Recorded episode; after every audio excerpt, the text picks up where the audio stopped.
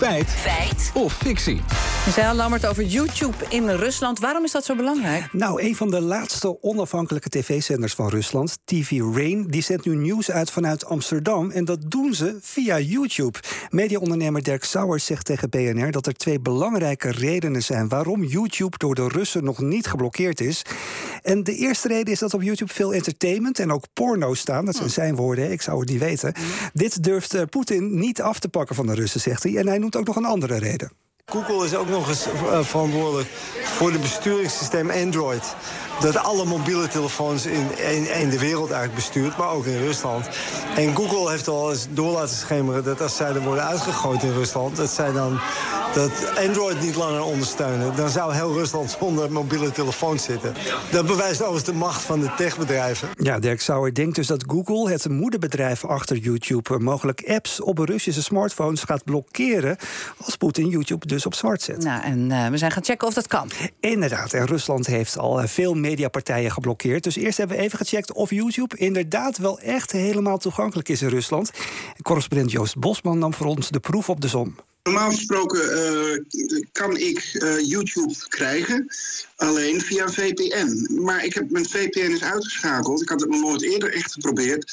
En nou blijkt dus ook inderdaad dat je ja, ook YouTube uh, zonder VPN in Rusland gewoon kunt ontvangen. Ja, onder meer Twitter, Instagram en Facebook zijn dus geblokkeerd. Maar YouTube is volgens Bosman nog een laatste bastion.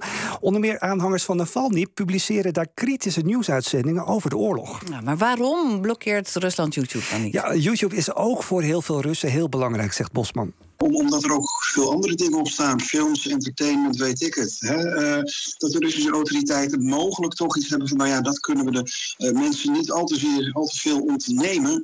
Dan krijg je toch onvrede. Ja, brood en spelen hebben ze sowieso ja. nodig blijkbaar. Dat durft Poetin dus niet aan. En kan Google dan inderdaad apps op Android-telefoons van, van Russen blokkeren... zoals Dirk Sauers? Hè? Ja, opvallend verhaal. Nou, dat vroegen we aan Arnoud Wokke, techjournalist bij Tweakers. Google heeft inderdaad de mogelijkheid om, om alleen Russische Android-telefoons uh, om, daar, om daar iets mee te doen. Sterker nog, dat deden ze al in februari toen de inval in Oekraïne plaatsvond. Toen hebben ze eigenlijk vrij snel daarna de mogelijkheid om apps te kopen in de Play Store. We hebben ze uitgezet. Dus toen konden Russische gebruikers niet langer apps kopen en gekochte apps konden ze niet langer updaten. Alleen nog gratis apps. Uh, dus ja, dat kan zeker. En uh, twijfel er ook niet aan dat ze dat, ze dat als uh, onderhandelingstactiek inzetten. Dat, uh, dat is iets wat, wat Google denk ik wel zou doen. En hij zegt dat Google zelf nog heftiger kan ingrijpen. Ze hebben ook de mogelijkheid om apps op afstand te verwijderen van telefoons. Dat is, een, een, een, dat is iets wat trouwens Apple ook kan met iPhones. En Google kan het ook op Android-telefoons, als die Google-diensten daarop draaien. Uh, dus dat zouden ze kunnen doen. Alleen als ze dat doen, ja, dat is natuurlijk dan grijpt ze diep in op het leven van mensen online. Ja, als Google dus zou willen, dan zouden ze zelfs bestaande apps van hun telefoons af kunnen halen in Rusland.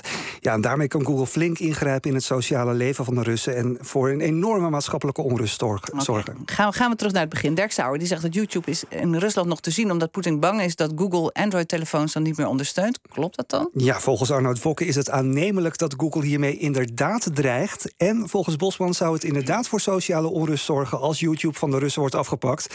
Dus Sauer heeft gelijk, het is een feit. Oké.